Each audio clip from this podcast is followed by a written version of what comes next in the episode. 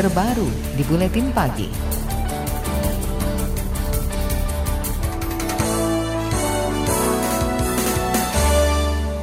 Kuasa hukum pemohon pengajuan uji formil Undang-Undang Komisi Pemberantasan Korupsi atau KPK mengaku kesulitan mengakses dan mendapatkan dokumen absensi DPR ketika sidang paripurna pengesahan revisi undang-undang itu pada 17 September lalu. Dokumen absensi itu akan dijadikan sebagai alat bukti dalam permohonan uji formil ke Mahkamah Konstitusi. Pemohon dalam gugatannya menyampaikan dalil sidang paripurna pengesahan revisi Undang-Undang KPK tidak memenuhi quorum.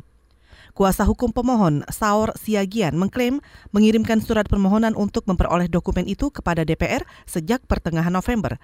Namun hingga saat ini tidak ada respon dari parlemen. Jadi tidak ada alasan DPR kemudian tidak memberi itu karena kewajiban mereka sebagai Dewan Perwakilan Rakyat dan kami mohon betul, kita minta betul supaya DPR tidak berhak dia untuk tidak memberikan permohonan kita terlebih soal asemsi karena ini soal moral. Benar nggak mereka hadir 200 sekian?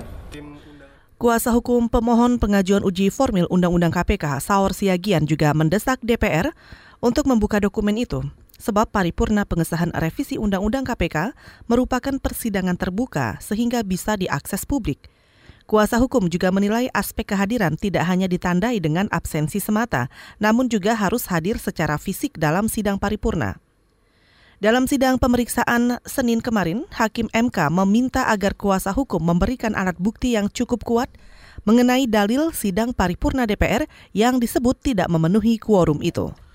Anggota Komisi Hukum DPR RI periode lalu Nasir Jamil membenarkan kehadiran fisik anggota DPR RI saat paripurna pengambilan keputusan RUU KPK disahkan lalu minim. Menurut anggota fraksi Partai Keadilan Sejahtera PKS, saat itu paripurna berjalan cepat meski ada beberapa interupsi dan catatan. Seingat saya begitu, karena saya juga hadir dalam pengambilan keputusan itu dan ada sejumlah interupsi dari beberapa anggota dan juga ada semacam catatan dari praksi, terutama praksi PKS. Ya waktu itu Lydia yang menyampaikan terkait dengan Dewan Pengawas itu sendiri. Nah karenanya menurut saya, ya boleh-boleh saja kalau kuasa hukum itu menyampaikan potret paripurna saat pengesahan RU KPK menjadi undang-undang waktu itu. Ya sah-sah saya, tapi kan nanti biasanya kan ada wakil DPR yang akan datang memberikan penjelasan dalam sidang. Nasir Jamil yang kembali terpilih di periode ini menyebut pengambilan keputusan di tingkat 2 atau paripurna tak menemukan hambatan. Jika pengambilan keputusan di tingkat pertama telah disepakati bersama, kata dia, perdebatan absensi kehadiran fisik yang dipersoalkan oleh kuasa hukum penggugat Undang-Undang KPK sebagai hal yang biasa. Sementara itu, Sekretaris Jenderal atau Sekjen DPR RI Indra Iskandar menyebut Data persidangan seperti dokumen absensi dan kehadiran anggota DPR ketika paripurna tidak dapat dipublis lantaran bersifat rahasia. Indra juga mengatakan publikasi data absensi dan kehadiran sidang paripurna harus melalui persetujuan Mahkamah Kehormatan Dewan atau MKD. Soal absen itu, absen itu data-data absen itu untuk keluar dari ini harus meminta izin dulu dari namanya MKD. Itu prosedurnya. Jadi karena semua ini yang dewan itu kalau berkaitan hal-hal personal itu harus minta izin dulu ke MKD karena absen itu kan berkaitan dengan ini ya uh, data. Sekjen DPR RI Indra Iskandar juga membantah adanya permohonan permintaan data dari pihak pemohon kepada DPR. Indra menambahkan, siapa yang menjadi perwakilan DPR di persidangan uji materi revisi Undang-Undang KPK pun harus melalui persetujuan MKD.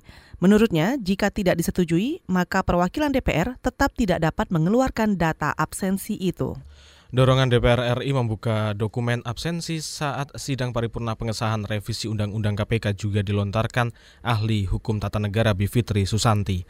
Bivitri beralasan dokumen itu dibutuhkan untuk pembuktian adanya cacat formil Undang-Undang KPK hasil revisi.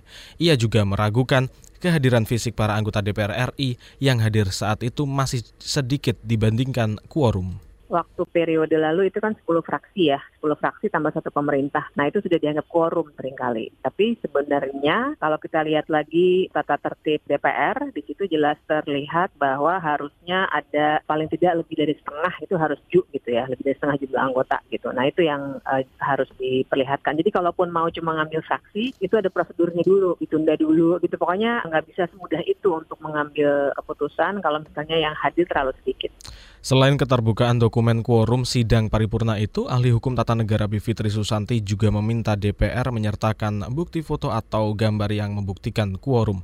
Selain quorum sidang yang diragukan, Bivitri juga menyebut cacat formil lainnya yaitu tidak diajaknya KPK dalam pembahasan. Selain itu, Undang-Undang KPK hasil revisi tidak ada naskah akademik dan tidak masuk dan tidak masuknya revisi Undang-Undang KPK dalam prioritas tahunan. KBR, inspiratif, terpercaya.